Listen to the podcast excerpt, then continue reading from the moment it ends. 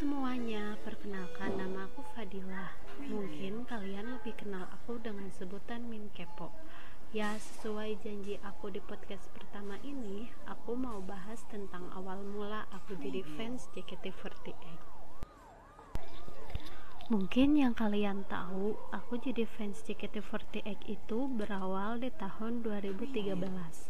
Tapi sebenarnya kalau tahu JKT48-nya itu, aku dari tahun 2011 2012-an di mana saat itu aku cuma anak SMP kelas 3 yang gak tahu dunia idol group itu seperti apa.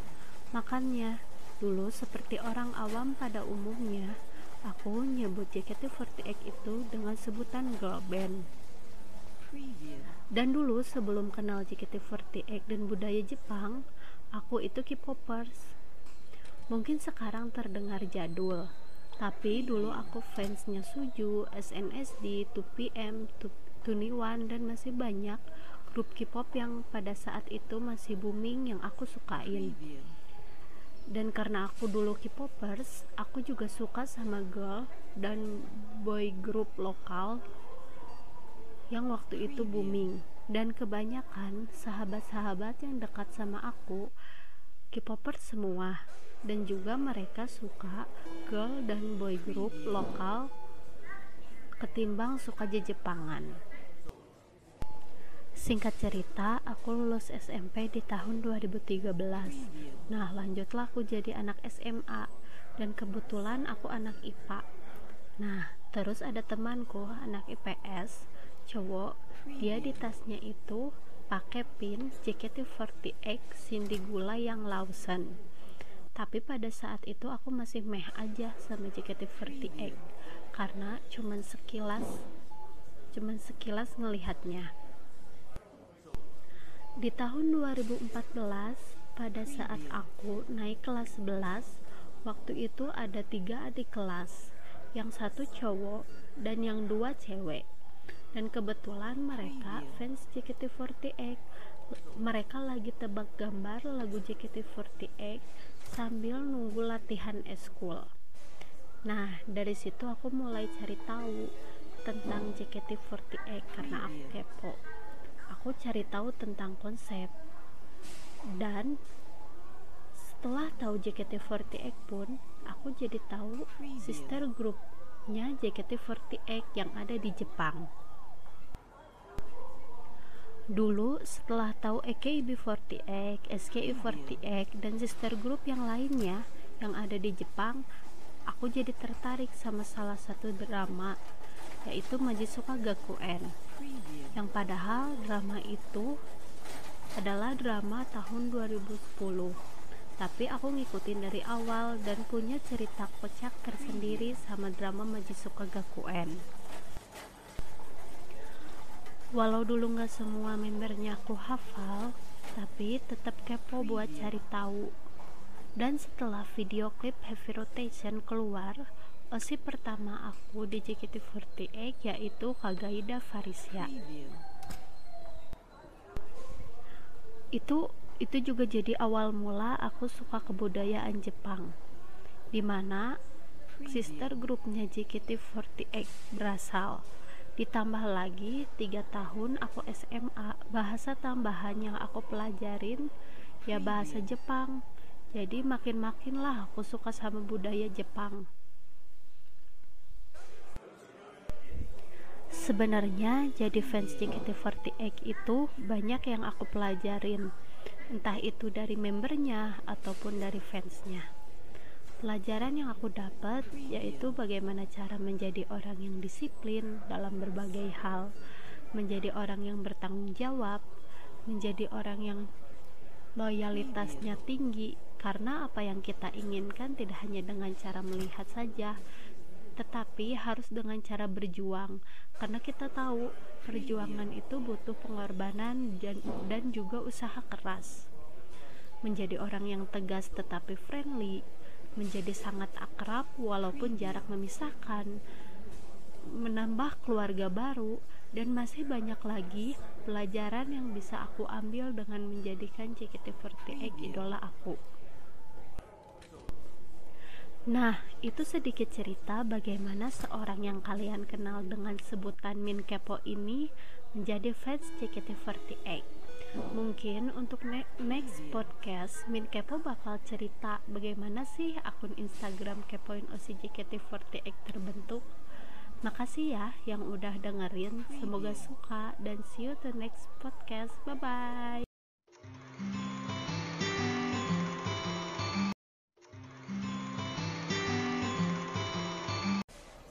Halo semuanya, balik lagi di Min Podcast. Nah, di episode pertama aku ceritain kan bagaimana aku ngefans sama JKT48. Nah, di, di episode kali ini aku mau cerita nih bagaimana akun Kepoin OC JKT48 terbentuk. Nah, setelah tahun 2014 itu aku kepo tentang JKT48, muncullah series series Kepoin OC yang dibuat sama Kalidia dan Kayona karena pada saat itu pun generasi 2 baru ada dan tim K3 juga baru terbentuk. Literally aku ikutin ser series Kepoin OC dari awal episode 00 dulu itu nggak ada yang namanya channel JKT48 TV dan juga membernya nggak ada yang buka channel pribadi. Sosial media pun yang member punya hanya Twitter dan Google Plus atau G Plus jadi member yang buka channel YouTube pribadi yang pertama yaitu ya Kayona dan Kalidia. Setiap dua minggu sekali, Kayona dan Kalidia upload video. Kadang di channelnya Kalidia, kadang juga gantian di channelnya Kayona. Nah, nggak berapa lama setelah itu, di episode challenge di Dufan baru diupload di channel YouTube pertamanya JKT48 official JKT48 Nah, dua tahun kemudian di tahun 2016 aku baru kenal nih yang namanya aplikasi Instagram. Ya udahlah, kepikiran bikin akun kepo buat fanbase series series yang dibuat Kayona dan Kalidia. Dulu namanya itu K3.OC underscore JKT48 dan berubah nama jadi nama yang sekarang di tahun 2018 dan dulu sempat kepikiran buat upload cuman foto selfie kali dia dan Kayona tapi emang pada dasarnya Kayona dan kali dia jarang upload foto selfie jadi aku ya udah deh akhirnya upload foto random sama member lain. Yang penting di foto atau video tersebut ada kali dia dan Kayonanya dulu aku nggak mikirin namanya followers. Yang ngalir aja gitu jadi admin. Awal dapat 10.000 followers pun aku nggak sadar karena banyaknya followers bukan target aku yang utama. Target aku bikin akun sosmed kepoin OC itu ya untuk have fun aja karena memang aku ngefans sama series yang dibuat kali dia dan Kayona nah di tahun yang sama Desi direkrut untuk jadi admin kepo karena Kayona dipindahin ke tim J. Tapi sayang, kali dia dan Desi nggak pernah ngadmin karena mungkin sibuk kuliah. Dan seingat aku, di tahun 2016 itu, Desi kalau nggak salah masih jadi maba di kampusnya. Nah, setahun kemudian Kayona pindah lagi ke K3 dan jadi kapten. Aku dan sebagian followers akun Kepo seneng karena kita ngira series Kepoin OC bakal ada lagi. Eh ternyata nggak berlanjut. Dan sampai di mana kali dia memutuskan untuk grad dari JKT48 dan menyudahi series Kepoin OC dengan membuat last episode di situ aku sedih karena benar-benar punya banyak cerita selama aku ngikutin series Kepoin OC nah di awal tahun 2020 sebenarnya akun kepo ini tuh udah mencapai 17.000 followers. Tapi nggak tahu kenapa malah turun lagi 3.000 followers. Tapi ya udahlah aku nggak ambil pusing dan nggak mikirin. Nah di tahun 2020 pun Desi ikut nyusul kali dia dan Kayona untuk grade mungkin yang ngikutin postingan aku di IG story tahu kalau aku tuh nangis sesenggukan. Tahu Desi grade mungkin sekarang bisa dilihat di akun tiktoknya kepoin Osi. Karena kenapa aku nangis? Karena banyak karena akun kepo itu banyak sejarah buat aku. Karena akun kepo yang buat aku kenal kalian. Buat aku banyak temen. Entah itu yang pernah ketemu atau cuman sekadar sosmed karena juga banyak memori gimana aku memulai untuk membuat akun ini sampai sekarang. Mungkin kalian ngerasa aku udah jarang post untuk sekarang-sekarang karena emang kesedihannya masih ngebekas buat aku.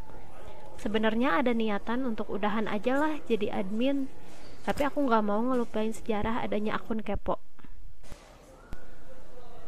Oke cukup sekian ya podcast kali ini yang ada sisi pancurhatan aku semoga suka.